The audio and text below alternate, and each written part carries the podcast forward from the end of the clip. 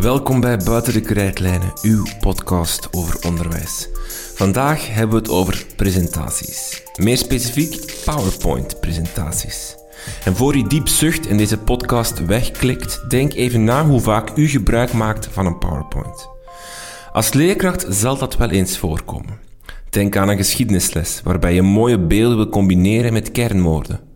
PowerPoint is en blijft een veelgebruikte en handige tool om dingen gemakkelijk en snel visueel te maken en de structuur duidelijk te maken van je les. Ik ging op bezoek bij de koning van de PowerPoint. Jeroen Heremans geeft vaak presentaties en zorgt er altijd voor dat zijn PowerPoint een pareltje is. Aan de hand van enkele stelregels loodst Jeroen ons binnen in de wonderwereld van de PowerPoint en geeft hij tal van tips en tools om nog betere presentaties te maken en te geven.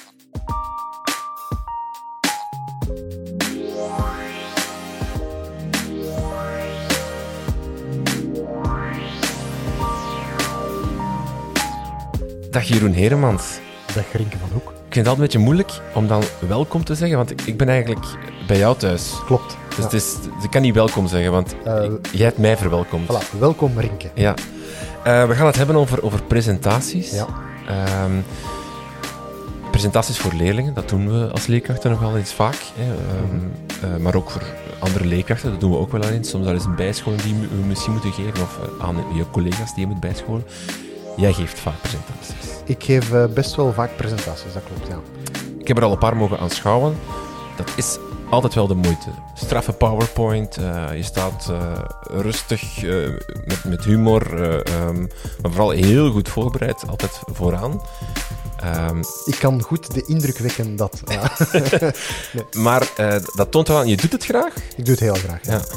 Een presentatie, dan wordt, als ik dat tegen mijn leerlingen zeg, je moet een presentatie maken, dan zeggen ze altijd direct, ah, een PowerPoint. Is dat voor jou ook zo? Ik eh, denk dat ik daar tegenwoordig wel naar grijp, al was ik wel zo'n early adapter voor Prezi en van die dingen. Mhm. Ehm, en ik heb ook nog wel andere software geprobeerd, want in eh, Microsoft Office zit daar ook zo, eh, eh, Sway bijvoorbeeld. Ja, juist. Eh, ja. maar ik kom daar toch altijd van terug. Je hebt ook Ehm, e-mails, als ik me niet vergis. je, hebt, je, hebt, je hebt inderdaad je ook hebt er tegenwoordig veel, hè? Ja. Je hebt zelfs nog een aantal browser-opties en zo, maar ik keer toch heel vaak terug naar PowerPoint. Keynote. Ik zie dat je ook een Mac-computer hebt. Ik ben ook een Macer, dat klopt, maar PowerPoint ehm, geeft me ja, misschien een beetje de rust dat ik het, eh, als ik ergens anders naartoe ga, toch ook kan gebruiken. De nostalgie ook naar vroeger. Goh, nee, dat is echt... Bij die, bij die oude Windows 95 en dan... Nee, dat, die, die nostalgie die ontbreekt me. Nee, ja. Oké, we gaan eh, van proberen om een eh, crash course ehm, presentatie maken, geven te doen hier in deze podcast. We doen dat aan de hand van de tien, maar het zijn er eigenlijk elf Ja. Regels van Gar Reynolds. Gar Reynolds is een beetje zo'n een, een presentatiegoeroe. Heeft het eh, eh, echt bestsellerboek eh, Presentation Zen geschreven. Ik heb ooit Gar Reynolds mogen aanschouwen op het World Creativity Forum in Hasselt. Dat was een prachtige dag. Maar die man kan wel een presentatie geven. En ehm, ja, het boek is echt wel zo'n soort van standaardwerk geworden over presentaties geven. En hij heeft ooit een, een TED-talk gegeven. En hij heeft daar toen tien, maar het zijn er elf regels over hoe je go- goed presentatie moet geven. We gaan die overlopen en dan mag jij telkens je ongezouten mening geven. En Ja. vooral eh, ja, zeggen of het bullshit is of niet. Hè. Dat is denk ik het belangrijkste. Eerst is turn off the computer. Eh, dat wil zeggen, voordat je begint, zet je die computer af en je gaat eigenlijk analoog aan de slag. Met pen en papier nadenken over wat dat je wilt doen. Ben jij ook iemand, als je zegt van, ik moet morgen aan mijn leerlingen, of, of volgende week aan mijn leerlingen, eh, de oude Grieken uitleggen en ik ga een presentatie maken, eerst computer af? Ja, ik ben daar eigenlijk eh 110 procent, en we hadden het ook altijd zo, het is met 10, maar het is eigenlijk 11, dus 110 procent ben ik daarmee akkoord. Ehm, want bijvoorbeeld als ik aan een PowerPoint-presentatie begin, het eerste wat ik doe is een witte dia openen. Dus ik eh, doe alle, klik hier om titel toe te voegen enzovoort, Ja? ik doe dat allemaal weg. Ik, heb, ik begin elke keer opnieuw van een witte slide. Dus geen schablonen, Nee. geen... Nee. Nee, ja, nee dat, is, dat is gelogen. Ehm, ik gebruik wel schablonen. Ik laat me inspireren door schablonen. Daar komen we misschien later nog op Ja, terug. ja. Maar dus Eh, het begin is, je, je opent PowerPoint, je, Eh, dan moet je... eigenlijk, eigenlijk is mijn echte begin, ik neem mijn notitieboekje, eh, dus eh oldschool analoog, Ja. en een potlood. En ik maak eigenlijk een soort van flowchart, waarbij ik heel duidelijk gewoon probeer uit te lijnen.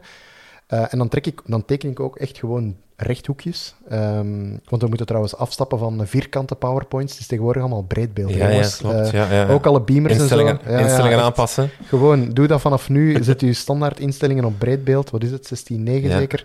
Eh, want dat geeft... Ja, dat is veel mooier dan Ja. die lelijke zwarte randen. Maar dat is weer al esthetiek en persoonlijke mening. Maar toch. Ehm, nee, maar echt gewoon rechthoekjes tekenen en kijken wat wil ik daarin zeggen. Ehm, met een aantal kernwoorden en eigenlijk zelf al op zoek gaan naar welke kernwoorden zijn belangrijk en wat wil ik op ene slide zetten. Ehm, ik herinner me eigenlijk, vorig jaar op, eh op EdCamp ehm, heb ik ook een presentatie gegeven. Ehm, en toen heb ik mezelf verplicht om eh, op zo goed als elke slide geen enkel woord te gebruiken. Eh, maar enkel met eh, logo's te werken en, en foto's. Dat was een oefening voor mezelf. Ik denk dat die achteraf mooi gelukt is. Zeker. en ja, dat is, dat is wel iets. Want als, als ik je inderdaad hoor zeggen, mijn leerlingen doen dat ook. Hè. Ah, een PowerPoint en we doen een PowerPoint open en nu gaan we nadenken. Ja, dat is eigenlijk de slechte manier van werken. Want als je niet weet dat die derde slide dat die op die manier opgebouwd is en je moet daar dan plots nog een slide gaan tussen trekken, dan, dat, ja, Hm. dan maak je het jezelf heel moeilijk. Notitieboekje, eh, rechthoekjes steken, daarin bij kernwoorden schrijven wat er in elke Ja. slide eh, moet komen of wat jij daarbij gaat vertellen. Ja. Want dan begin je eigenlijk twee dingen te creëren. hè. Enerzijds een soort van outline van wat je gaat vertellen, want dat komt niet op je PowerPoint vaak, want je gebruikt heel weinig tekst, hoor ik hier. Ja, dat hangt er een beetje van af natuurlijk. Ik denk dat we een heel groot eh, nuance moeten maken. Ik- Er is een heel groot verschil tussen mijn presentaties die ik maak om leerlingen eh, duidelijk te maken wat de juiste oplossing is voor het werkboek of voor hun cursus. En aan de andere kant heb je de presentaties waarbij ik iets kom vertellen tegen een publiek. En dat kan ook een leerling zijn, een leerlingenpubliek. Maar er is een heel duidelijk verschil tussen een presentatie die bedoeld is om een stuk cursus in te vullen of om, een st- om iets uit te leggen. Ja, dan kom ik eigenlijk al bij de tweede Oei, regel. sorry. Dat is niet erg. Dat kunnen we samen nemen. Hè. Eh, put the audience first is Ja. de tweede. Namelijk hè, dat, dat je, je... Ja, het is voor je publiek dat je het doet, hè, niet Ja. voor jezelf. En dat hier toon je wel een belangrijk verschil aan. Dus jouw presentaties voor ehm, leerlingen zijn functioneler. Ik denk het wel. Ja. Eh, als ik eh, het, het, het, hoe zeg je dat? De, de mantel, het mantelwoord, is dat, een, is dat een woord? Een mantelwoord? Zoiets dat, dat, de hele lading dekt. En zo de bullet point eh. PowerPoint. Daarmee bedoel ik, klik, er verschijnt iets. Klik, er verschijnt nog iets. Dat is iets wat ik me aan durf bezondigen als het gaat over leerlingen dingen. Eh, maar dat zal ik bijna nooit gebruiken in een presentatie die ik maak voor een ander publiek of om iets uit te leggen. Ehm, is het soms, heb je soms het gevaar dat je zo te veel naar het ene doorschuift? Dat je zo een te coole presentatie wil maken voor je leerlingen? Of een te mooie, of een te... Zal ik maar zeggen, die vo- voldoet aan, aan het esthetische en, en Ik- weinig tekst heeft. En dat je zo achteraf denkt van... Allemaal tof, maar eigenlijk hadden de leerlingen niet veel aan de mooie achtergrond. Nee, dat denk ik niet. Ik, nee, daar laat Of is, ik het een niet aan gevaar, of is het een gevaar waar, dat, waar dat je leerkracht of de luisteraar voor moet oppassen? Ja, beste kijkers, het is inderdaad eh, zeer, eh, zeer gevaarlijk om u daaraan te laten vangen. Ik steek daar zelf ook veel tijd in. Soms besef ik ook net een half uur te veel, omdat ik het heel mooi wil krijgen.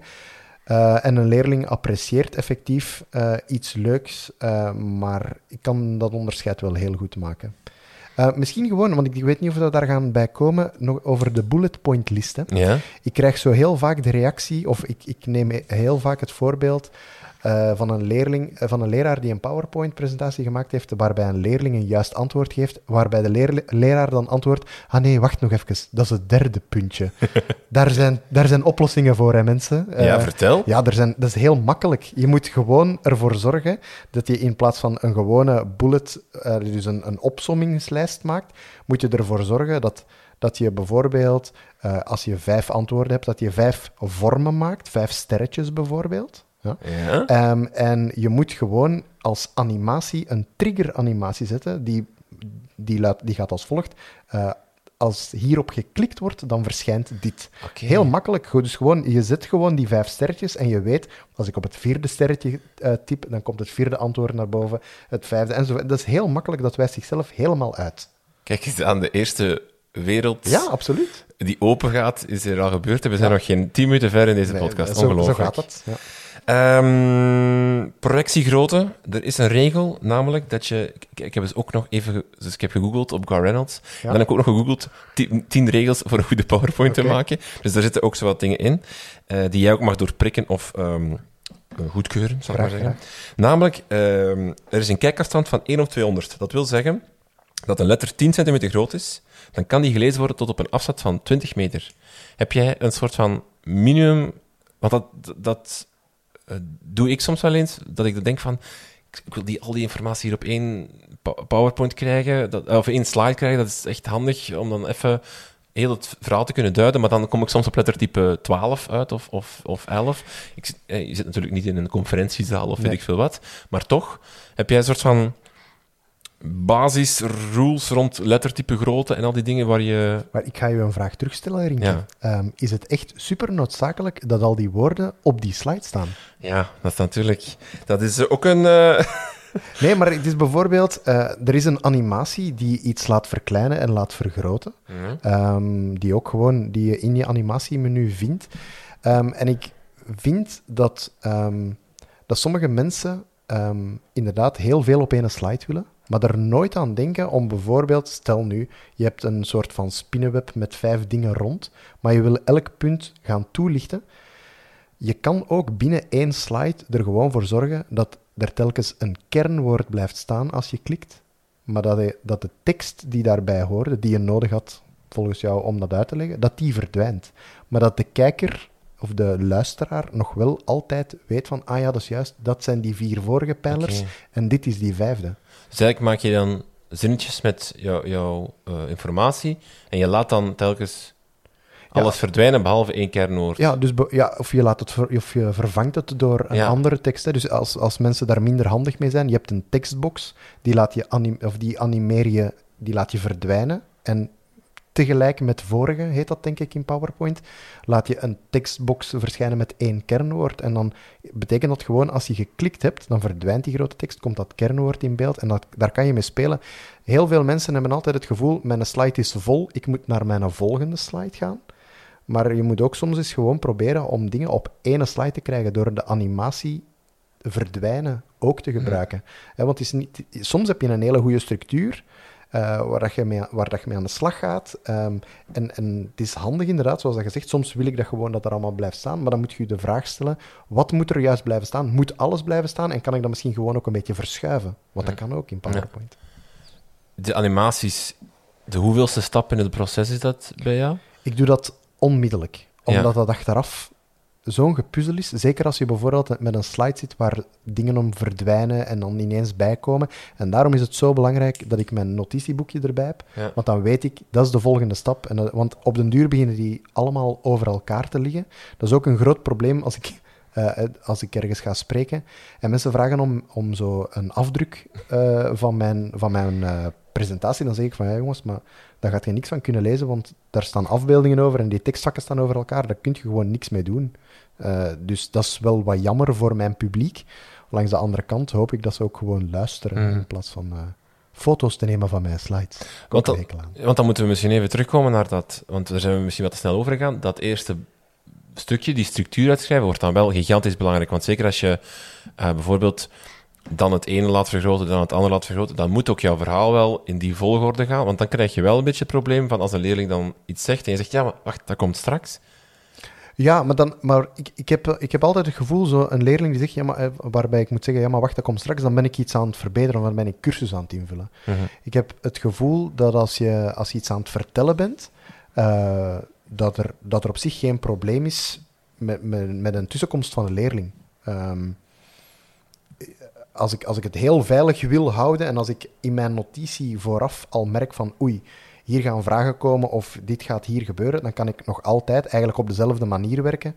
Door bijvoorbeeld, ik doe dat ook heel vaak, een soort van resetknop in mijn PowerPoint-slide te steken. Dus dat is dan een actie waarbij dat je even teruggaat naar een vorige, bijvoorbeeld. Ehm, dat is gewoon een veiligheid voor mij, dat ik weet van dat ik onderaan bijvoorbeeld elke keer terug kan gaan naar de slide waarover de vraag gaat. Dat is heel ver gezocht en dat heb ik eigenlijk nog niet zo heel vaak gedaan. Maar het zijn gewoon uh, paginaverwijzingen, denk ik dat het heet. Dus dan is het dan, dan uh, ja, dat is een soort van hyperlink. Ja, die je, je kan een interne hyperlink maken. Net zoals je in Word bijvoorbeeld ook hè, zo ankerpunten kan, uh, kan leggen, kan je dat in PowerPoint ook. En als je heel veilig wil zijn, van, ik denk dat daar een vraag gaat over komen, als ik bijvoorbeeld over de oude Grieken en ik heb het over democratie dat ik uh, die per, dat personage nog eens extra wil benoemen of, of, of op wil inzoomen, dat ik onderaan een uh, link zet dat ik daar direct terug naartoe kan. Hm.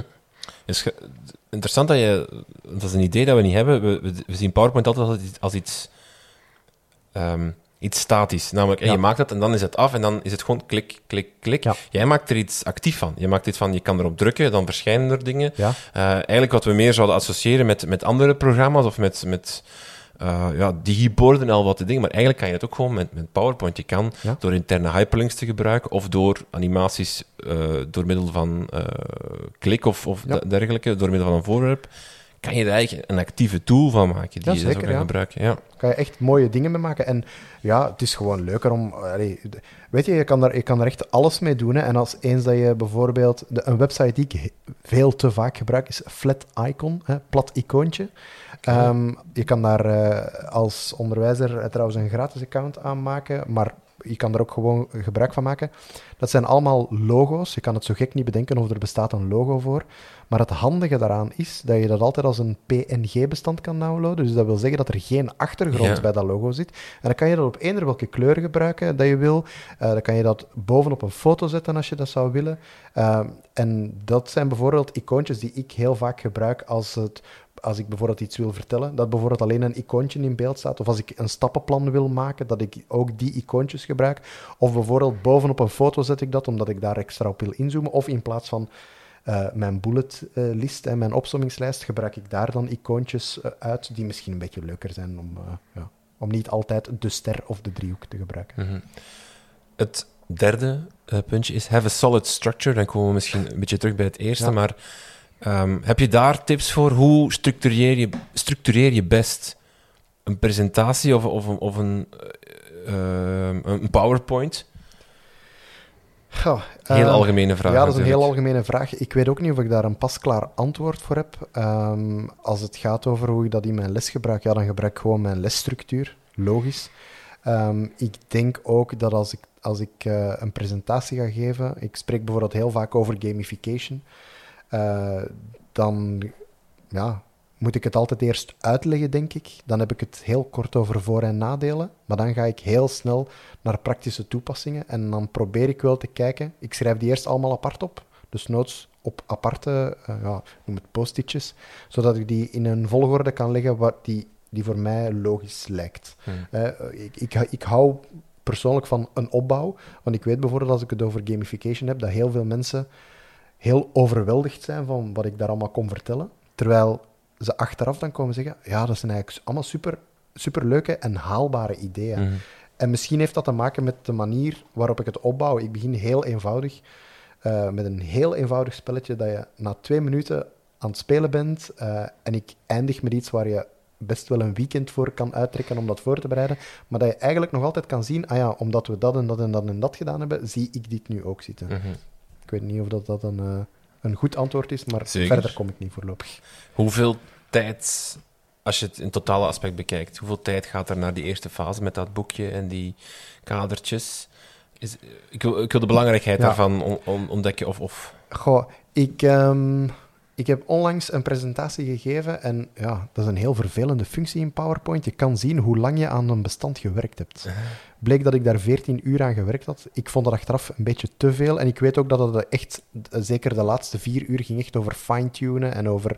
Ik kreeg die vraag nog binnen en dan moest ik dat daar nog aan aanpassen. Ik denk dat ik er effectief wel tien uur aan gezeten heb. Voor alle duidelijkheid, eh, beste kijkers, dat is een... eh, dat is een, een, een presentatie van een uur en een half. Dus daar komt best Ja. ook wel... Allee, het, het heeft, het heeft wel wat body, om het zo Ja. te zeggen.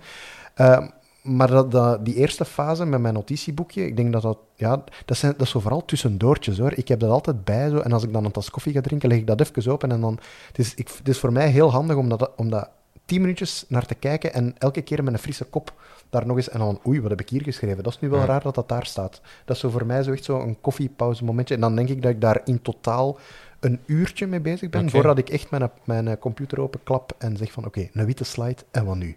En verandert er dan nog veel? Of, of blijft die ene structuur die je op dat uurtje hebt bedacht wel overeind? Of is het iets wat toch door het maken of door dan, dat je een bepaalde layout-elementje vindt, waardoor er dan weer dingen moeten verschuiven in je structuur, of je toch andere... Ja, ik heb, wel, ik heb soms, soms werkt er iets gewoon niet. Hè. Je hebt Ja. een idee en dan, dan, dan probeer je dat op een andere manier. Ja, als je, als je zo- niet, zo, niet zo flexibel bent, dan, ja, dan moet je misschien niet beginnen aan PowerPoint. Ja. Pak je best zo een whiteboard. Of zo. Ja. Eh, eh, regel 4, have a clear theme. Dat ehm, wil zeggen, ik, ik heb dat geïnterpreteerd als een, als een duidelijk thema van je presentatie, maar ook als eh, thema layout. Ik heb het een beetje breed geïnterpreteerd. Ah ja. Want eh, de regels zijn soms nogal een beetje vaag, vind ik zelf.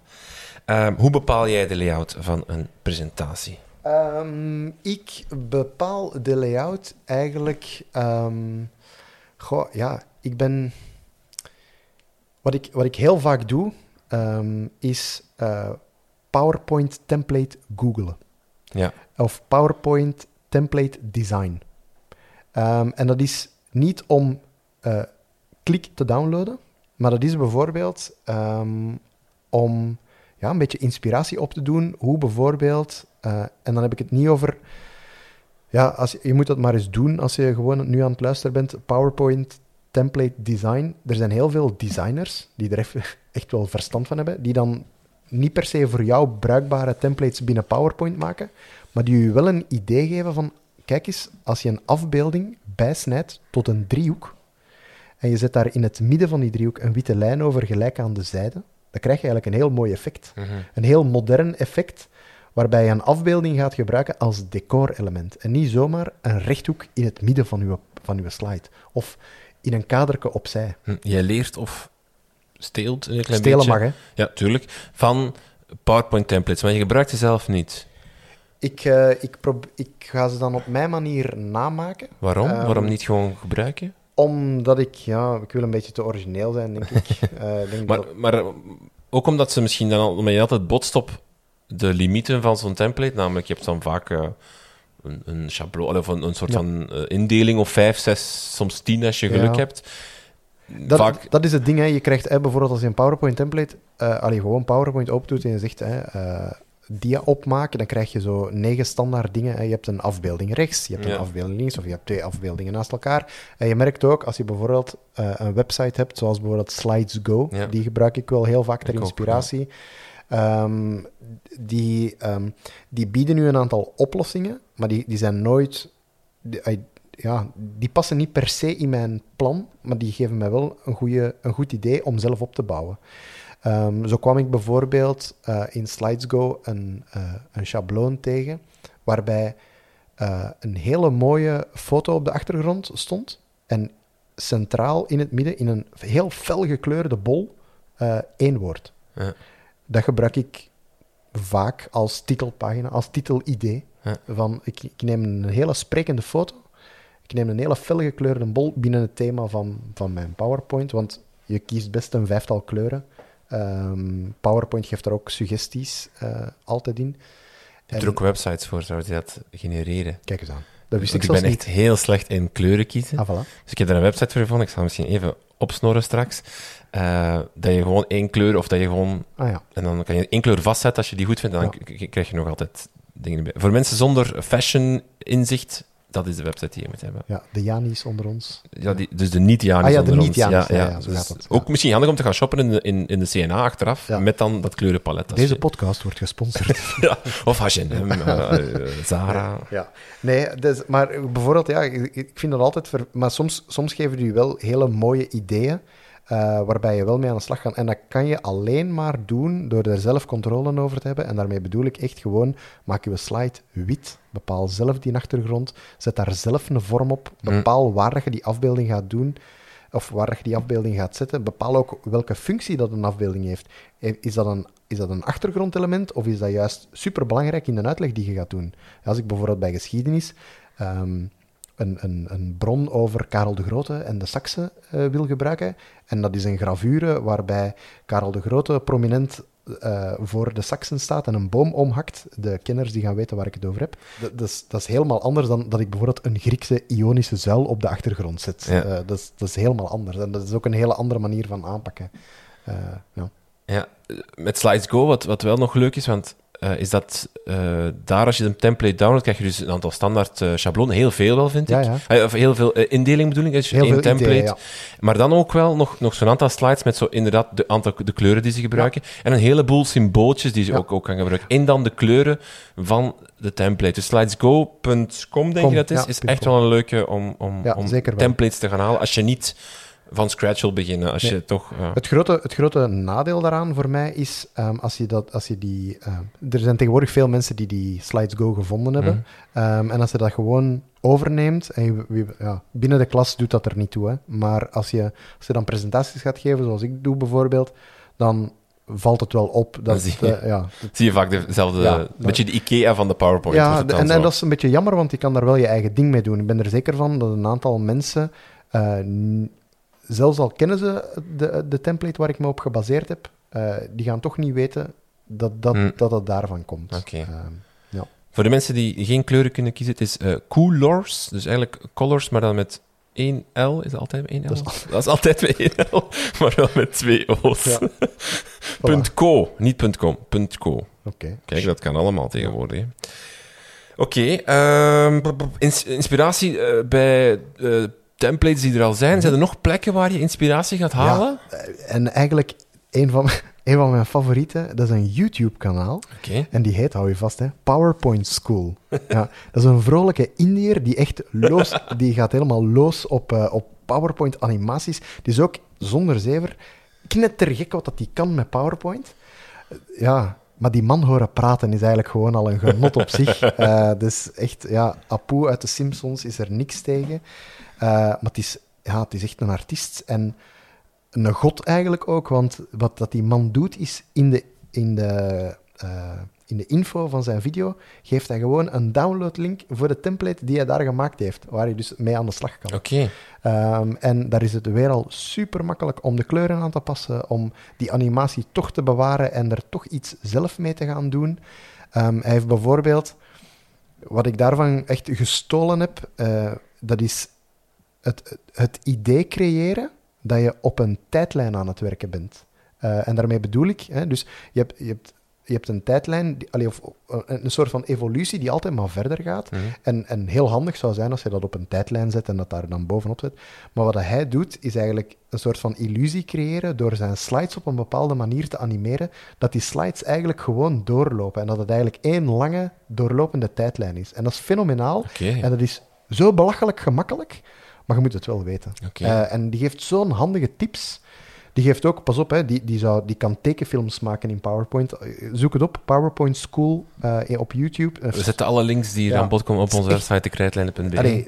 Als, als, je, als je werk zoekt in, in Pixar animatiefilms, de- die man kan dat echt. En, maar het is gewoon, het is wel leuk om na te denken, om, te, om, te, om ja, gezond te stelen. Hè. Bijvoorbeeld, ik heb nu de laatste keer dat ik echt een hele grote verandering heb gemaakt aan mijn, eh, aan mijn presentatie voor, eh, voor gamification, was de intro slide. Waar, dus de slide, ja, ik noem dat een intro slide, dus een slide als de mensen binnenkomen van eh, de titel en wie er voor hen staat en zo. Maar dat beweegt allemaal. En dat is zo stom, maar dat is gewoon een animatie loopen. Hè, tot klik is dat dan. herhalen tot aan de volgende klik. En, maar dat, maakt, dat geeft zo'n leuk beeld. Dat is zo'n beetje ge- een geanimeerde slide. En dat, dat, dat, dat doen we veel te weinig. En pas op, hè, dat heeft in de klas weinig zin hoor. Ik bedoel, of dat, allee, als er nu iets, iets de hele tijd aan het draaien is, dat hoeft niet. Ehm, Leerlingen leren er niet beter nee, door. nee, nee, zeker niet. Maar doe je het wel in je PowerPoint die je in de klas nee, in de klas ook Nee. niet. Dat, is echt, dat, is echt om, ja, dat is echt om uit te pakken. dat is gewoon puur om uit te pakken. Als je zo Dat is- eh, ja. een wild feestje met een PowerPoint, Ja, dan kun je vlak, dat voor, dus- vlak voordat ik mijn doos merciekjes krijg. Ehm, wat, wat doe je dan wel? Eh, die animaties, eh, gebruik je het dan in, in PowerPoints voor, voor leerlingen wel? Maar dan op welke slimme manieren? Nee, ik, eh, ik heb eigenlijk één standaard animatie en dat is vervagen. Ja. Ehm, ik heb er een hekel aan dat die dingen beginnen golven en draaien. En, en ook gewoon slides overgangen, alsjeblieft. Niet naar zo, dat dat zo verkruimelt naar zo'n vogeltje en dan wegvliegt? Nee, nee, dat doe ik niet. Wat een, dat is een prachtige. Ja, dat is prachtig, maar ik, nee, ik, krijg, ik word daar ziek van. Eh, ja, nee, er zijn... Er, er is probably a place and a time for it, maar eh, Ja. nee. Ik bedoel, dat, dat, heeft, dat is leuk in sommige dingen. En bijvoorbeeld hè, in die PowerPoint School, draai het of keer het, eh, die tijdlijn-illusie, dat is gedaan met een animatie, dat is zo glijden naar links of wat is het. Ehm, dat, dat heeft een meerwaarde, maar of dat, of dat mijn blad ineens verkruimelt en, en Ja. verandert in een vogel, is alleen maar grappig als ik het over spreekwoorden heb, bijvoorbeeld. En daar Ja. er toevallig een vogel in zit. Ja. En dan zal ik dat wel eens doen. Beter één vogel Ja. in de hand dan Voilà. in de lucht en dan vliegt die weg. Ja. Ja, Ah, ik zie het al voor me. Ja. Ik weet wat ik morgen ga doen. Heb je nog tips om, om dan dingen in de verf te zetten? Bijvoorbeeld belangrijke dingen die leerlingen moeten onthouden. Eh, een, een, een definitie, een, een, een belangrijk eh, begrip. Hoe, werk, hoe, hoe probeer je dat in een PowerPoint Wel, te highlighten of, of, of duidelijk te maken? Ja, bijvoorbeeld, heel stom, hè, maar verandert u een tekst eens van kleur, maar niet helemaal. Allee, bijvoorbeeld, hoe, hoe weinig zetten wij kernwoorden in een andere Hmm. kleur in een PowerPoint? Dat doen wij veel te weinig. Ik heb bijvoorbeeld ook, eh, we hebben een, bij ons op school een, ehm een CLIL-traject, hè, waarbij een, eh, een vak gegeven wordt in een andere taal. En daar geven wij demolessen ehm, in, in, het, eh, in het lagere jaar, zodat ze weten waar ze zich het volgende jaar aan kunnen verwachten. En ehm, ik zat daar een beetje met het probleem. Ondertussen is dat, allemaal bij, is dat allemaal opgelost met onze nieuwe regering en zo de modernisering van de eerste graad. Maar de kinderen van, de eerste, van het eerste jaar die hadden bij ons nog geen Engels gehad. Maar die kregen dan wel ineens plots een demoles geschiedenis, waarbij ik de past tense gebruik. Dus die weten, van, die weten niet waar het over gaat. Dus er waren een aantal woorden die ik moest gebruiken, waarvan ik er echt 100% zeker van was dat ze ze niet begrepen. En toen heb ik eigenlijk het idee gehad eh, om elke keer als er een woord verscheen dat, eh, waarvan ik dacht dat gaan ze niet begrijpen. Ik heb het bijvoorbeeld over het woord peninsula, eh, schiereiland. Ehm, als dat woord verscheen, dan kwam er onderaan op de bladzijde, dus dat was eh, samen met vorige in het animatiemenu, kwam er een tapje omhoog met de vertaling. En dat stond peninsula, dubbelpunt, schiereiland. En dat was in dezelfde kleur als het woord peninsula bovenop mijn slide. Maar dat is zoiets, dat is zoiets stoms, maar dat is gewoon, ja, als je, als je bijvoorbeeld wilt dat dat, dat dat kernwoord, dat dat misschien nog eens extra uitgelegd wordt, zonder dat je daar zelf heel veel nadruk moet op leggen. Of, jongens, weet je nog, dit is een bijwoord en, en, je, geeft daar, en, en je laat iets bij mee op je slide verschijnen op het moment dat je het daarover hebt. Dat is, dat is, ja, dat is, dat is sowieso iets om over na te denken. Van wanneer kan ik eigenlijk zo extra, extra dingen toevoegen en geven die ook een extra laagje? Mhm. Zoiets. Oké, heb je, heb je een, letter, een favoriet lettertype? Dat is echt een nerdy vraag, maar heb je echt een favoriet lettertype dat je af en toe gebruikt? Ik eh, ben tegenwoordig nogal into Montserrat. maar dat kent niemand. Ja, dat is wel een, standaard, hè? In- ja in- ik, ik weet niet of het, eh, ik Ah. weet niet of het helemaal standaard is. Je kan lettertypes downloaden. Ja, ik- ik- ik- Dafont.com ja, gebruik ik. dafont.com, dat gebruik ik ook. Ja. Te de- vaak ook. Ja. Ja, tof, hè? Oh. Ja, tof, maar bijvoorbeeld, ik heb twee computers thuis ehm, en dat is echt super vervelend, want dan is dat boven niet geïnstalleerd en dan Ah, is het ja, beneden ja, en dan bewaart dat toch, want dat is dan in de cloud en oh, Of je stuurt door naar een collega en dan zegt hij, wat is er met dat lettertype hier aan de hand? En dan denk ik, ja, Ja, maar wat daar een mooie oplossing is, maar dan, dan verketter ik alle Mac-gebruikers, want wij, wij blijven wel op onze honger zitten, maar je kan een lettertype insluiten in een PowerPoint-file. Dat doe je bij de optie opslaan als, en dan kan je lettertype insluiten. En dan heb je dat probleem niet meer als je het doorstuurt naar een Ja. collega. Hop, weer iets bijgeleerd. Ik heb een probleem met Dafont dat ik vergeet welke lettertypes ik al ooit gedownload heb. Dus ik, ik pak altijd een nieuw. Ja, Omdat ik, en dan, ja. Maar Ja, ik, ik, heb, ik heb dat... eh, ik gebruik dat in mijn designprogramma en dat, he- dat geeft de naam van dit lettertype mist. Eh, dus dat is voor mij Ja. net iets makkelijker. Eh, regel 5, remove the non-essential. Eh, in ver, less is more, klopt dat? Ja, ik vind dat wel. Ehm, ik heb er een hekel aan, en dan heb ik het niet over leerlingen, maar als ik een presentatie ga geven, ik heb een hekel aan mensen die elke slide fotograferen. Dus ik heb mezelf ook voorgenomen, ik ga daar veel te weinig op zetten, dat als ze er een foto van nemen, dat ze er echt niks aan Zo van hebben. die mensen in het publiek die, dan zo, elke, die daar dan zitten. Dat, ik vind dat echt... Allee, ja. Prachtig altijd. Ik, ja, ik, dat is een beetje een gimmick aan het worden, maar dat is ook, dat is ook een, een soort van gekke, gekke reactie van... eh, ja, is dat echt... Ik vraag me echt of, of dat echt een... Ik af, kijk je daar naar terug Ja. dan? Dat is zoals dat je op een concert zo'n opname maakt. Ja, dat doet... En dan denk je toch, daar kijk je toch nooit naar terug, want dat is gewoon zo... Allee, dat is toch hetzelfde met zo'n foto. Ik vind Ja, dat grappig als ze dan op het einde zeggen, je krijgt nog de, de slides ook op papier. Ja. En dan denk ik, haha, Ja. je hebt dat voor niets gefotografeerd. Ja, maar dan heb je dus mijn probleem met mijn slides op papier. Die staan, echt, die staan helemaal door elkaar en daar heb je echt niks aan. Ehm, nee, maar ik, ik ben, dat is wel een, een- iets dat ik in mijn achterhoofd hou. Eh, van hoe fotografeerbaar is dit? Ehm, en Het moet, mag niet fotografeerbaar zijn? ja, ik, ik vind het niet. Ik vind dat het een meerwaarde moet bieden voor mijn presentatie. Ehm, en er mag gerust wel informatie op die ik heel belangrijk vind. Maar de dingen die ik zeg, waar ik echt graag heb dat je naar luistert, die ga ik niet. Ja, ik, ik heb echt een hekel aan mensen die zeggen klik en die zich omdraaien en hun slide aflezen. Dan heb je geen goede PowerPoint. Mhm. Ik, vind- een, een goede PowerPoint kun je niet aflezen. Nee, want dan komen we tot... Ah, Er sorry. zijn een aantal regels die ik gevonden heb, namelijk de 7x7-regel, namelijk eh, maximaal 7 regels per slide en maximaal 7 woorden per regel. Kun je dat eens op een mail zetten? Dan ga ik aan mijn directie sturen. Ja. En dan er is nog een regel, de 166-regel. Eén dia per onderwerp. Elke regel mag 6 woorden bevatten, elke dia 6 regels. Ja, ik vind dat al veel zelfs. Ja, hè? Maar je ziet het wel nog super vaak, hè? Ja. Zo echt... Allee, la- lappen tekst op, op, je, op, je, op je dia. Ja, dat, slaat echt nergens op. En, want je zou dan... Want we, we verwijten vaak dat leer, leerlingen dat, hè, dat ze...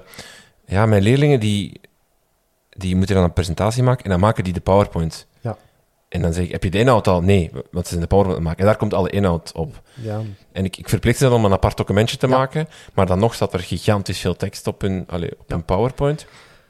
Tegenwoordig zeggen dat ze geen tekst meer mogen gebruiken, dat is een hele moeilijke, maar oké. Mhm. Uh, maar je ziet dat ook nog heel vaak op, op ja, personeelsvergaderingen, maar dan denk ik soms het is functioneel, of al vraag ik me ook wel Nee, af. Of, Vind je dat echt functioneel? ik vraag soms me af, nee, ik vraag me af, omdat je leest dat dan, je luistert dan niet meer, of je luistert dan en je leest je het niet, dus... dus Nee, ja, ik heb, ik heb het gevoel van als je het, eh, als je het zo breed op een slide kon zetten, dan kon je het mij even goed mailen. ja. Ehm, nee, ik ben daar geen fan van. Ehm, sowieso, eh, sowieso denk ik dat een beeld meer zegt dan, eh, dan woorden. En ik ben ik, nogmaals grote fan van het gebruik van icoontjes. Ehm, ja, ik herinner me ook op, bijvoorbeeld op de, op de presentatie die ik gaf op EdCamp, toen ik eh, gevraagd werd om mijn Future Classroom voor te stellen. Ik heb een, voor, de alle, voor alle luisteraars een eh, low-budget Future Classroom. Mhm.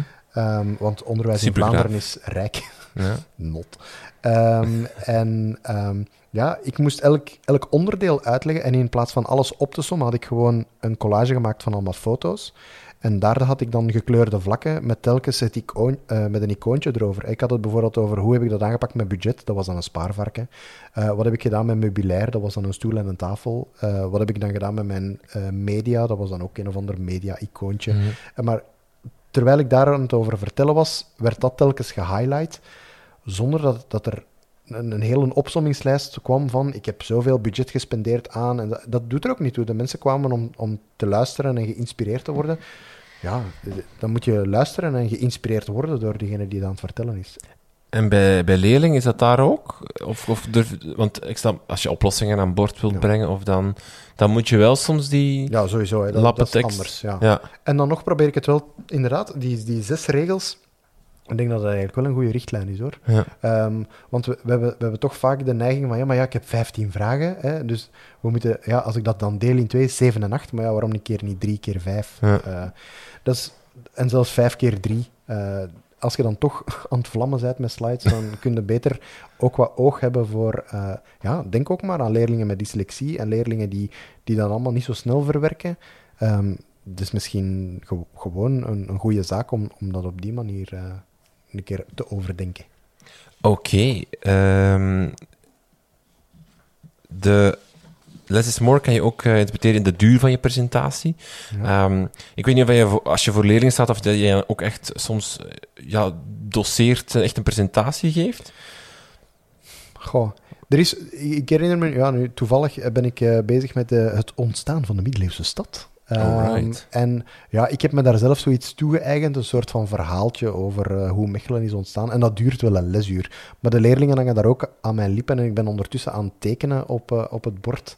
Eh, is dat echt doseren? Nee, ik denk dat niet. Dat is eerder een soort van verhaaltje. Ehm, ik denk dat, dat een doseermomentje bij mij toch ook wel beperkt is tot de legale 10 minuten of zo, Mhm, denk ik. ja. En dan is het tijd voor iets anders. Ik denk, denk dat ik dat wel altijd in mijn achterhoofd Ja, heb, dus daar ook wel less is more proberen te Oké. Ja. Eh, eh, zes, hook 'em early. Ehm, dat wil eigenlijk zeggen van je moet je, je, je publiek vlug bij de kraag grijpen. Ehm, wat gebruik jij om je leerlingen of je publiek mee te krijgen in je verhaal vanaf het begin? Ik probeer ze altijd zo wel eh, een vraag voor te schotelen, waar dat ze dan zo... En dan, en dan zo'n klein beetje het antwoord teasen, maar je dan zo toch nog wel laten nadenken. Zo. Ik denk dat dat mijn systeem is. Ik kan zo niet direct op een voorbeeld komen. Zoals in, in het nieuws, als ze zeggen, straks hebben we het nog over die brand. Ja. Maar nu eerst het sport. Ja, maar dat, zo eindig ik al mijn lessen. Want morgen gaan we op die... ja, nee. Maar eh, ja, nee, maar gewoon zo... Ja, zo'n beetje... beetje een beetje op hun, van, op hun nieuwsgierigheid werken. Zo van, Ja. ja, ik wil... eh, Ja, het bijwoord vind ik dat niet, niet echt zo interessant, maar op, op welke manier kan ik ze dan toch ehm, ja, triggeren om, om, om dan nu de vraag te stellen van, is dat nu een bijwoord, ja of nee? Ja. Dat is dan misschien stom met een liedje en met, met één liedjestekst. En oké, mannen, we hebben nu eh, al die dingen gezien van bijwoord. Ja. Ehm, binnen vijf minuten zijn we hier terug. En dan eh, wil ik het weten wie, wie welk woord als bijwoord gekozen heeft. Eh voilà, en dat, is iets kleins. Ehm, en ja, ik heb onlangs met een collega samengezeten die, ehm, die, die, die leerlingen zo de keuze gaf om, om soms een toets mee te doen, soms niet mee te doen. Dat past binnen een groter verhaal de, en, en beter Ja. begeleid dan dat ik het nu uitleg. Maar leerlingen hebben eigenlijk, moeten grote toetsen altijd meedoen, maar kleine toetsen hebben ze zelf de keuze. Ehm, en dan kwamen we eigenlijk in het gesprek over zo waardebonnetjes voor deze vraag mag ik overslaan. eh, die je dan bijvoorbeeld op zo'n moment zou kunnen verdienen. Dus waarom als incentief zo, hè, zo voor, Ja. eh, als je zoveel, als je dat nu juist hebt, dan eh, er staan een waardebon op het spel, jongens. Ik vind dat wel tof. Oké. De regel 7 is een beetje een, een, een, rare. Show a clear conflict. Ik heb er ook niet echt een vraag bij. het gaat eigenlijk over dat... Het, het is eigenlijk no conflict, no story. Ehm, dat eigenlijk dat je... Ja, dat er iets... Er moet iets wringen dat jij dan gaat oplossen of tonen in je presentatie. Ehm, Maar heeft dat, niet, heeft dat niet echt iets te maken met, ehm, met, met echt presentaties geven? Ik denk dat dat Ja. in de klas niet echt... Ja, ik bedoel, je hebt altijd wel je, je, je centrale vraag die je wilt behandelen, maar of dat nu echt een conflict te noemen of zoiets wat je moet oplossen, ja, soms is dat gewoon niet. Hè. ja. Soms is het gewoon oefeningen maken, toch? Ja, klopt. Maar eh, misschien daarover. eh, ehm, je toont oplossingen in je PowerPoint? Onmiddellijk bedoel je? Of eh, wat, wat ik soms ervaar is dat als ik. ehm, ik vind oplossingen projecteren, in zeker in een PowerPoint, is, is soms veel werk om dat allemaal eh, daar dan in te zetten. En dan moet dat zo inderdaad met een animatietje daarop komen. Ja. Hè, dat, je wilt het dan mooi doen. Is, is veel werk. Eh, en wat ik dan vaak wel vind, is dat leerlingen dan soms. Wat ik bijvoorbeeld feestig vind, is dat ze dat invullen met potlood. En dan uitgommen hun eigen antwoord. En dan exact hetzelfde antwoord op. Terwijl het misschien wel juist was, maar het was niet de exacte bewoording. Ik vind soms dat daardoor. Ah ja, zodat ze de, als je kritisch denken Ja, ja, ja. Of, of, eh, dus je zegt bijvoorbeeld, maak oefening 5, daarna brengen we ze aan boord. Als je, die dan, als je dat dan laat projecteren, of je laat dat dan zien, dan zit er ook soms te wachten tot het juiste Ja. antwoord. Die doen dat dan Mhm. niet. Of, Maar is dat ook niet het bordboekfenomeen zo? ja, maar eh, ervaar je dat niet als je dat ook in een PowerPoint steekt? Ja, maar pas op, voor zo'n oplossingen, ehm, ik maak, allee, als er een bordboek beschikbaar is, ja, dan ben ik ook zo een eh luie rakker die dan soms dat ook wel eens laat zien. Ik laat dat trouwens niet altijd zien, maar als ik het heb over een PowerPoint met oplossingen, dat is heel vaak een eigen cursus die ik gemaakt heb. Dus Ja. dat is sowieso, ja, voor een, voor een eh, werkboek dat ik, dat ik moet gebruiken, eh, doe ik dan niet Mhm. zo nog eens een extra PowerPoint maken. Dat lijkt een beetje dubbel op, toch? Maar over het idee van, moet je oplossingen aan boord brengen? In je, in je presentatie. Is, heeft dat met leeftijd te maken ook? Bij jongere leeftijd misschien Ik geef, wel? in de, ik geef in de tweede graad, eh, maar er zijn er in het vierde toch ook nog altijd die smeken om een, Ja. eh, om een standaard antwoord. Want hoe moeten we dat dan anders kennen voor de toetsen en zo van die dingen? Maar ja, ik vind dat ook een moeilijke discussie hoor. Ik heb daar ook niet echt een mening over. Ook in die hele invulboeken discussie meng ik me niet zo graag. Eh, Ik bedoel, soms moet het ook gewoon. Soms heb je ook niet heel veel ander, ander materiaal. Soms heb je ook gewoon niet de collega's om samen iets te maken. En als je het altijd alleen moet doen, dan wordt het misschien soms ook een beetje eh, snel te veel. Mhm, Oké. Regel 8. Demonstrate a clear change. Beetje hetzelfde. Ook echt Ja. geen idee wat, ik wat we daarmee doen. Dus eh, Gar Reynolds is niet echt... Dat is geen goeie. Nee, underestimated. Nee. Ja, nee, maar ik denk Eh. inderdaad dat dat, dat, dat, dat dat gaat over ik heb mijn publiek mee en nu ga ik ze ineens eens verrassen. Zo. Ja. Wow, zie een keer nu. Je zit nu al de hele tijd mee aan het denken op die manier en nu gaan we een keer goed liggen hebben. Dat is trouwens regel, eh zit wel een regel 9? Ja, Ja, even uit. Hè.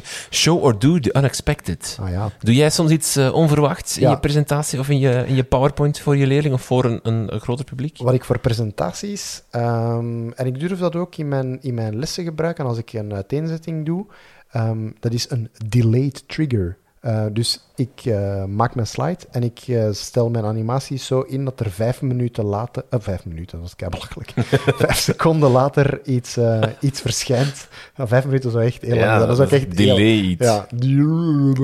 Ehm, maar bijvoorbeeld, ja, heel concreet voorbeeld, als ik ga spreken over gamification, is een van mijn eerste slides heel groot. Ik ben geen specialist. En dat meen ik ook. Eh, maar heel langzaamaan verschijnt er onder ik ben geen specialist, gelukkig maar. Want ik vind dat eigenlijk maar goed ook dat ik geen theoretische uiteenzetting kom zetten van gamification. En zo dat een beetje spelen met... eh, ik, ik, ik hoop dat we er nog mensen naar mijn slide aan het kijken zijn en ineens verrast worden, want dat, dat geeft een soort van dynamiek van mensen die aan het luisteren zijn en ineens... Oh, hier is ze. Ja. Allee, tof. Eh, of bijvoorbeeld, ehm, waarom niet als je bijvoorbeeld... Ehm, als ik, ik heb bijvoorbeeld een presentatie waar ik het over drie grote dingen heb. Eh, wat de mensen doen in PowerPoint is, wij gaan het hebben over klik nummer 1, klik nummer 2, klik nummer 3. Maar waarom niet? Er komt een grote titel en je begint je uitleg en na drie seconden verschijnen die drie dingen gewoon naast elkaar. Dat is veel natuurlijker. Je kan gewoon blijven vertellen. Je hoeft je niet te focussen. Je hoeft niet, je hoeft niet te klikken. Ehm, je hoeft niet achterom te kijken. Dat komt wel. Ehm, en je geeft jezelf ook zoveel meer vrijheid als je die bijvoorbeeld eens naast elkaar zet. Met een, en al- als u, als u je template zich daartoe leent, kan je daar zoveel mooie dingen mee doen. Die hoeven niet allemaal recht onder elkaar te staan met een bolken voor. Dat vind ik echt, daar moet je echt van afstappen, Ja. vind ik. Een inhoudstafel, want dat, daar eh, is het een, een do-over of een don't. Van, vandaag gaan we het hebben over... Ja, dat doen leerlingen ook altijd. Hè. Een presentatie over de Rode Duivels. En dan, wie zijn ze?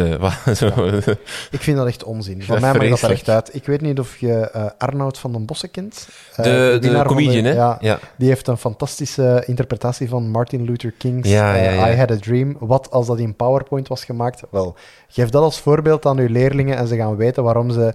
eh, want die geeft daar het voorbeeld van... eh, stel nu dat Martin Luther King I Had a Dream... eh, vandaag gaan we het hebben over mijn droom. En dan gaat hij zo'n heel lijstje af van wat zijn droom Met dan zou ook heel veel grafieken. Ja, dat is is hilarisch. Het is, ja. echt, het is eigenlijk een mooie samenvatting van wat we, wat we hier aan het proberen te vertellen zijn. Het is echt fenomenaal. Ik heb me er echt al een kriek mee gelachen. Ehm, maar nee, het is, voor mij is het bijvoorbeeld veel interessanter om na te denken over... Oké, je gaat het vertellen over wie zijn de Rode Duivels, wat zijn hun prestaties en zo verder. Maar heb je er dan bijvoorbeeld ook al eens aan gedacht om je slides een soort van thema te geven? Bijvoorbeeld als het gaat over wie zijn ze, dat er bijvoorbeeld in de rechter benedenhoek, als het gaat over wie zijn die Rode Duivels, dat er bijvoorbeeld elke keer een persoontje te zien is. En als het gaat over de prestaties, dat er bijvoorbeeld een soort van wedstrijdbeker te zien is.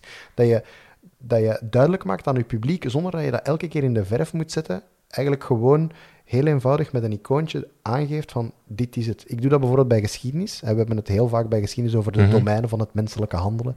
Eh, politiek, economie, Ja. sociaal, cultureel, economisch. Dus dat zijn dingen die ik in icoontjesvorm wel heel duidelijk maak. En bijvoorbeeld ook als ik in een tabel werk, waar ik trouwens niet zomaar in een, in een, eh, in een kadertje werk, maar liever met gekleurde vlakken, zodat het heel duidelijk is. En dan zet ik daar bijvoorbeeld ook dat icoontje naast. En dan zet ik daar centjes naast als het over economie gaat. En dan zet ik daar een, mens, een persoontje naast Ja. als het over sociaal gaat. En een, en een kruisje als het over religieus gaat. Maar dan weten ze ook van, oké, als, ik, als ik dit document nu bekijk, dan krijg, krijgen ze eigenlijk, zonder dat ik zeg, jongens, weten nog, dat is economie. Soms zal ik dat wel eens zeggen, want ik vind het belangrijk dat ze dat af en toe ook nog eens opnieuw zeggen. Maar dat geeft hen ook wel een soort van structuur om te kijken naar wat ik aan het maken ben, zonder dat ik dat elke keer moet benadrukken. Zijn er nog zo'n dingen die je doet? Dat zijn eigenlijk elementen van herhaling die je erin steekt, Ja. of die, elementen van structuur zelfs. Ik, ik, ik, wat ik altijd probeer is om, om ergens onderaan de pagina te zetten van waar we aan bezig zijn, omdat er toch altijd een aantal verdwaalde Ja. peoples zijn die, die dat niet meer weten als we een blad omslaan, maar goed. Ehm, is dat iets zo, of zijn er nog zo dingen, eh, icoontjes die je zegt, die je als structuur aanduider gebruikt? Goh, ik herinner me bijvoorbeeld toen ik uh, op EdCamp ging praten, had ik het over uh, offline en online toepassingen. En die, ik allebei, die had ik allebei een kleur gegeven. Hm. Kleuren vanaf zijn offline groen en online geel. Ja. Maar dan was het wel heel duidelijk voor mijn publiek van oké, okay, hier gaat het over. En dat lijkt me ook iets dat ik zou toepassen als ik het bijvoorbeeld heb over de gelijkenissen en de verschillen tussen de Merovingers en de Karolingers. Uh, dat ik daar ook aandacht voor heb, in welke kleur ga ik dat dan zetten. Okay, ja, ja. Um, het gaat niet per se over altijd een symbooltje of altijd bijvoorbeeld de bladzijde erbij zetten, maar gewoon heel aandachtig zijn van ik probeer heel duidelijk te maken aan mijn leerlingen dat die twee verschillende dingen zijn met heel wat gelijkenissen, dus let op. Maar maak het dan voor de leerlingen ook gewoon al duidelijk, zonder dat je elke keer opnieuw moet zeggen, dit is van dat, dit is van dat, dat je bijvoorbeeld dezelfde kleur gebruikt. En voel je dat dat werkt bij leerlingen, dat dat, dat, dat helpt? Nee, die zijn allemaal gebest. nee, ik weet het niet. Ja, voor sommigen zal dat inderdaad iets, uh, iets uitmaken en voor anderen echt geen hol. Ja. Oké. Okay. Uh, misschien, of misschien nog eentje, dat, ik eigenlijk, dat is eigenlijk een vraag die ik gemist heb, maar we hebben het al heel vaak, vaak gehad over beelden. Ja. Um, we hadden het er juist ook al over dat, dat ja, een beeld zegt meer dan duizend woorden. Ja. Waar vind jij jouw sterke beelden? Want, ja, er, er is... Uh, ik heb, ik heb... Google Images is, is iets, maar dan zit je vaak met... Ja, vaak toch ook heel slechte resolutie of slechte kwaliteit. Ja, um, ja sowieso, sowieso is het altijd interessant om, uh, om te gaan kijken in... Uh, ja, iedereen... Ik ga opnieuw beginnen. Er zijn een aantal websites die ik, die ik frequenteer. dat is namelijk Unsplash. Dat zijn stokfoto's. Um, dus je moet wel opletten, want als je bijvoorbeeld, typ maar eens Classroom, die eerste foto die daar staat, die heb je al honderd keer gezien als het over onderwijs gaat, geloof me. Um, maar de regel bij Unsplash, en zo heb je bijvoorbeeld ook pixels, dus niet pixels, maar pixels. Dat zijn uh, stokfoto's die je mag gebruiken, getrokken door fotografen, effectief. Dus een hele hoge kwaliteit. Maar van het moment dat je ze gebruikt, moet je er ook credits bij vermelden. Mm -hmm. um, en dat kan je heel eenvoudig doen. Je kan er zelfs een, uh, de, de credits bij downloaden voor online gebruik, maar gewoon bij PowerPoint is het bij mij standaard een tekstvakje rechts onderaan, credit, dubbel punt en dan de naam erbij.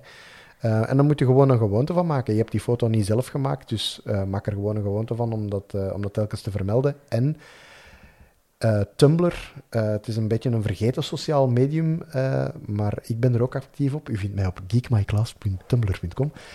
maar daar zitten ook heel wat fotografen op. En er zijn zo nog wel wat communities met fotografen. En er is toch niks mis mee, met een, zeker in PowerPoint, met een foto te gebruiken, zolang je die credits maar vermeldt. En het is ook niet verkeerd om zo'n beetje je eigen database aan te leggen. Um, ik doe dat nu niet, omdat ik voorlopig nog altijd genoeg materiaal vind. Uh, en je zegt dan Google Images, ja. Heel weinig mensen weten dat je bijvoorbeeld bovenaan in de instellingen bij tools ook de grootte kan bepalen mm. van zo'n afbeelding. En dan moet je die gewoon op groot zetten, dan is de kwaliteit al zoveel beter. Net hetzelfde als je bij een afbeelding PNG bijvoegt, dan uh, krijg je een doorzichtige achtergrond. In Google Images wordt dat uh, getoond door een geruite achtergrond. Ja. Maar je moet goed opletten, want als het in de originele afbeelding al staat, dan zit dat ermee in. Dus je moet klikken en dan op het voorbeeld moeten de ruitjes erop staan. En dan ben je er zeker van dat het een doorzichtige achtergrond is. Het is zoveel mooier om. Ja, ik, ik, had onlangs een, eh, een, les over hoe maak je een uh, mooie PowerPoint. En dan had ik de leerlingen de opdracht gegeven om een uh, auto te laten rijden in een berglandschap als animatie. Dus ze moesten als achtergrond een grote baan uit de een of andere auto-advertentie. En dan moesten ze een auto gaan zoeken op Google Images in PNG-vorm, zodat er geen achtergrond bij te zien was. En dan had ik ze dat laten animeren op een pad, want dat kan ook. Je kan een afbeelding op klik laten bewegen volgens een lijn die jij zelf kiest. En dat was gewoon om hen te laten zien van, kijk, kijk eens wat een afbeelding doet, kijk eens wat, zie, zie je wat een PNG is, hoe kan je dat makkelijk zoeken. Dan kon ik hen laten zien hoe je de instellingen kon veranderen. En dan kon ik hen dadelijk ook een beetje uh, animatie voor gevorderden laten zien van, uh, dit kan je ook en heb je daar al eens... Uh... En daar kwamen echt wel leuke dingen uit. Ze kwamen dan zo zelf met, met ideetjes af en zo. Um, misschien zal ik die ook in de show notes zetten. Ik heb zo'n uh, een soort van. Dat is een PowerPoint en die heeft als titel Wat een slechte presentatie. Dat zijn allemaal witte slides en daar staan gewoon allemaal opdrachten op die leerlingen moeten doen. um, en dat is bijvoorbeeld van eh, laat op deze. Dat is, een, dat is een achtergrond van een sterrenhemel. En dan zeg ik van laat op deze op deze slide een raket opstijgen of zo. En die dan rechtsboven buiten beeld vliegt, zoiets. Ja. Zo'n zo'n dingen. En dat is, dat is superleuk om gewoon eens met te prullen. Want dat doen we eigenlijk veel te weinig hoor. Gewoon een keer laten prullen in PowerPoint en hopelijk ja, leerlingen duidelijk kunnen maken van dat is eigenlijk ook iets wat je kan in PowerPoint. Je kan er veel meer mee dan, uh, dan je denkt. Uh, regel 10 Hoppa. is uh, make him feel. Gebruik jij wel eens emoties in je, in je presentaties? ik denk dat ik, ja, je hebt het in, in de introductie gezegd, ik, ik kan geen presentatie geven zonder eens goed te lachen, denk ik. Um, ik, ja, dat is ook een beetje mijn persoonlijkheid. Hè. Ik kan dat niet van iedereen verwachten en het moet niet altijd billijklet zijn, maar um, ja, ik, ik vind het gewoon belangrijk dat we af en toe gewoon eens kunnen lachen. Hm. En ik ben ook een trotse geek, dus daar zit ook altijd een Star Wars verwijzing in elke PowerPoint die ik maak. Terecht. Um, dus ja, of, of, of een of andere superheld die toevallig voorbij vliegt. Dan is het maar alleen voor de fans. Maar uh, er zit sowieso wel... Ik probeer altijd wel een beetje humor erin te verstoppen. Dan komen we bij regel 11, is be authentic. Maar daar denk ik dat we dan uh, op zitten. Um, hoe want daar wordt veel over gezegd. Hè. Je moet authentiek zijn. Iedereen is daar een beetje wel van overtuigd. Toch denk ik dat het nog iets is dat nog heel vaak niet gebeurt bij leerkrachten als ze voor de klas staan. Of als ze een presentatie moeten geven, dat ze vaak door zenuwen of door um, het, het, moment of wat ze moeten doen. Hoe belangrijk is het toch om daar gewoon als jezelf te staan en, en, en niet te verstoppen wie je bent en ook gewoon te vertellen zoals jij bent? En, en... Maar ik denk dat het eigenlijk allemaal, en dat is misschien dat klinkt heel melig misschien, maar dat komt misschien toch allemaal door het feit dat je je laat dwingen in een template van PowerPoint. Oké. Maak, maak, maak een keer je, je eigen ding, je, het ding waar dat je jezelf goed bij voelt, waarbij dat je weet van, ik moet hier niet klikken, maar ik weet dat dat gaat gebeuren. Ja. Ik, ik, heb, ik heb het gevoel dat, dat mijn presentaties passen bij mijn persoonlijkheid. Als ik u nu zelfs een USB-stick meegeef met mijn PowerPoint, je gaat er weinig mee kunnen doen, want dat is op mijn vertelritme gemaakt en dat is op de manier waarop dat ik mijn verhaal wil vertellen, heb ik dat helemaal opgebouwd. Dus jij kan er eigenlijk niks mee doen. Mhm. Je kan je daardoor laten inspireren, graag zelfs, uh, maar je, je, bent er helemaal niks mee. Als, als mensen mij vragen om een presentatie te delen, dan, dan antwoord ik altijd van ja, kijk, ik stel mij een vraag en ik zal erop antwoorden, maar ik kan mijn presentatie ook moeilijk moeilijk delen, want je gaat er eigenlijk weinig aan hebben. Je had mijn verhaal moeten horen. En mm. dat, is het, dat is het allerbelangrijkste. Want wat jij wel hebt, is dat je van nul begint en doordat je elke animatie zo goed hebt over nagedacht en zo gekozen hebt. En mhm. dat je ook wel uh, die PowerPoint volledig in je vingers hebt. Het is zoals dat je um, iets van, van Klassemen downloadt, een, een werkbladje of een, of een werk, en, en je geeft dat dan. En ze vragen een vraag, over, een vraag over zin 7 of zo, of over vraag 7 je moet dan ook even die, die, die, lezen en dan kan je er wel op antwoorden. Of je hebt dat wel op voorhand gelezen. Maar toch, het is niet jouw product. Terwijl als je zelf iets maakt, dan, dan zit het echt in jouw vingers. Je weet waarom je die vraag gekozen hebt. Je weet wat het antwoord is. En je weet waarom dat het antwoord is. En je weet waarom dat die vraag nummer 7 is. Want je hebt de andere zes daarvoor ook bedacht. En ik denk ook, ja, het heeft ook... Bijvoorbeeld, ik, ik werk dan met die vertraagde triggers. Sowieso. Ik weet perfect op welk woord dat ik moet klikken om dat allemaal mooi te laten uitlijnen. En dat zijn dingen die je moet oefenen heel weinig mensen durven hardop in hun bureau effectief die presentatie een keer te geven. En dan merk je ook wat er misloopt als je klikt en wat er... Wat er niet, maar ja... Oefen je echt... Uh... Ja, ja. Ja, ja. ja. dat, is heel, dat is heel raar om te zien. Maar en ook als je het voor leerlingen... Nee, dat niet. Nee, die kan ik aan. dat zijn die grote mensen waar ik bang van ben. Maar zou je bijvoorbeeld wel, voor mensen die dan, die, die misschien minder uh, jouw flair en, rust hebben voor de klas, die, die daar misschien een beetje mee worstelen, zou je die het aanraden om bijvoorbeeld... Maar ja, dus nooit een, dus een stukje. Maar er, als je. Ja... Um, het is net hetzelfde. Ik heb bijvoorbeeld een, uh, een project lopen bij mij in de klas, dat is nu voorbij, maar dat is uh, rond Poetry Slam. Um, en er zijn leerlingen die pareltjes schrijven. Eigenlijk allemaal schrijven ze prachtige dingen. Maar als die dat plots vooraan voor de klas moeten lezen, je haalt ze er zo uit, degene die dat nog nooit hardop hebben voorgelezen. Mhm. Omdat ze bijvoorbeeld een zin geschreven hebben die hen zo, ja, zo emotioneel maakt, dat op het moment dat ze dat hardop zeggen, dat ze ineens helemaal stilvallen. Of mm. van, oei, amai, wat heb ik nu gezegd? Of, of ineens de impact beseffen van, ik heb dit nu hardop gezegd. Als je dat nog nooit gedaan hebt, dan weet je ook niet welk, welk ritme dat erin zit. Wel, ja, ja, want dat is, PowerPoint heeft ook een bepaald ritme. Hè. Uh, We moeten af van we, we, we, we, klik. Daar, daar moet je vanaf. Ja. Eh, je moet durven om, oké, ik kan een uitleg doen, er gaat van achter, achter mij van alles gebeuren, maar ik weet perfect wat dat er allemaal gaat gebeuren. Dat zijn de coolste, hè? Dat, Dat je zo, dat er iemand staat en die vertelt en ondertussen gebeurt Ja. er en er is niet zo'n stop geweest. Nee, voilà. Ja. Ja. Je, moet, je moet echt perfect weten, als ik nu klik, dan gebeurt dat. Maar als ik nu gewoon met een uitleg begin te doen, dan gaat er dat achter mij gebeuren. Dat achter... Want soms is het gewoon ook uit veiligheid dat ik iets laat eh, vertraagd animeren. En daarmee bedoel ik, hè, dat verschijnt na drie seconden, dan na vijf seconden, dat na zeven seconden. Maar dat is gewoon van, ik weet dat ik dat stukje op die manier ga uitleggen en ik weet wat dat er gaat komen. En ik, moet me gewoon, ik, ik ga zo, sowieso fouten maken als ik dat probeer te timen. Dus ik laat het gewoon lopen achter mij. En dan, eh, dan komt het wel vanzelf. Want ik weet wat ik ga vertellen. En achter mij moet ik er mij geen zorgen over maken. Oké, wauw. Ja. We zijn er door door de elf ehm, eh, regels van eh, Gar Reynolds, onze vriend. Ja. Zijn er nog dingen die we die je nog denkt te moeten vermelden? We hebben niet heel veel over PowerPoint gesproken. Is, is, is Prezi een alternatief? Ik word altijd een beetje zeeziek van, van Prezi, maar... Ja, Prezi wordt toch heel vaak op een verkeerde manier gebruikt. En ik, ik ben ervan teruggekomen gewoon omdat ik het gevoel heb dat je in PowerPoint toch nog altijd meer controle hebt. Ehm, je, je wordt in Prezi toch nog te vaak gedwongen in een template. Ehm, Ik vind, ook, ik vind het ook heel moeilijk om het mooi te maken. Allee, ik bedoel, je kan zo met zo... maar je hebt nu de Prezi Next, hè, Ah, die ja, echt wel next level shit is hoor. Maar, want vroeger had je zo... Ja, je had dat wel templates of layouts die heel cool waren als je zo voorbeelden zag, maar dat kon je nooit naar jezelf zetten. En als je het dan zelf maakt, dan krijg je van die lelijke blauwe ringen Ja. waar je zo naartoe vliegt. Ja, En dat, dan inderdaad- ah, dat bedoel ik met die templates. Het is- inderdaad mooi, het idee, maar als je jouw idee daar dan wil op inzetten, dan... eh, ja, nee, dan...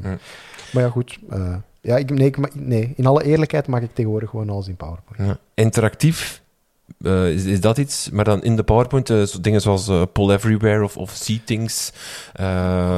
Ik heb het al vaak gezien, ik heb het ook al leuk weten toegepast zijn, maar ik doe het zelf Hm. niet. Ja, omdat het... te weinig.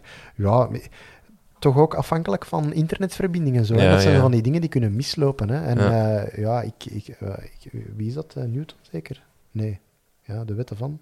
wet- Of Murphy. Murphy is dat, ja. Murphy. Ne- Newton is die man met een appel. Dat is met die appel. Ja, ik die heeft ook wetten, hè? Ja, Enfin, de- Goh, ja, België heeft ook wetten. Ja, voilà. Wie ja. kent die nog? Ehm, maar ja, Murphy, ja, die, ik denk dat dat mijn beste vriend is of zo. Ja. Ja. ja, die komt toch heel vaak langs, heb ik die Oké. Jeroen, jij geeft presentaties eh, over verschillende onderwerpen. Ja.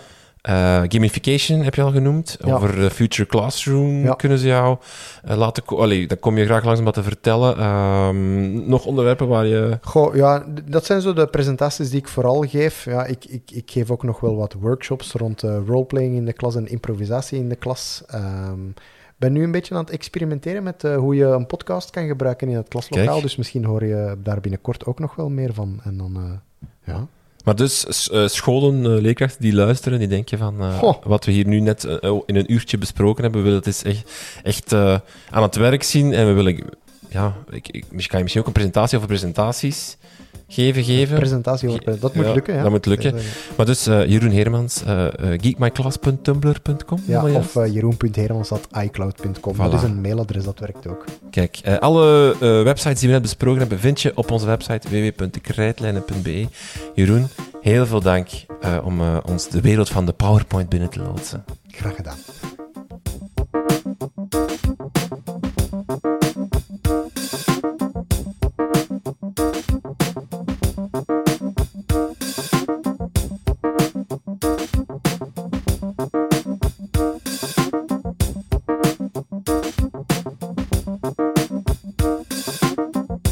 Dit was het dan weer voor deze aflevering. Dank voor het luisteren.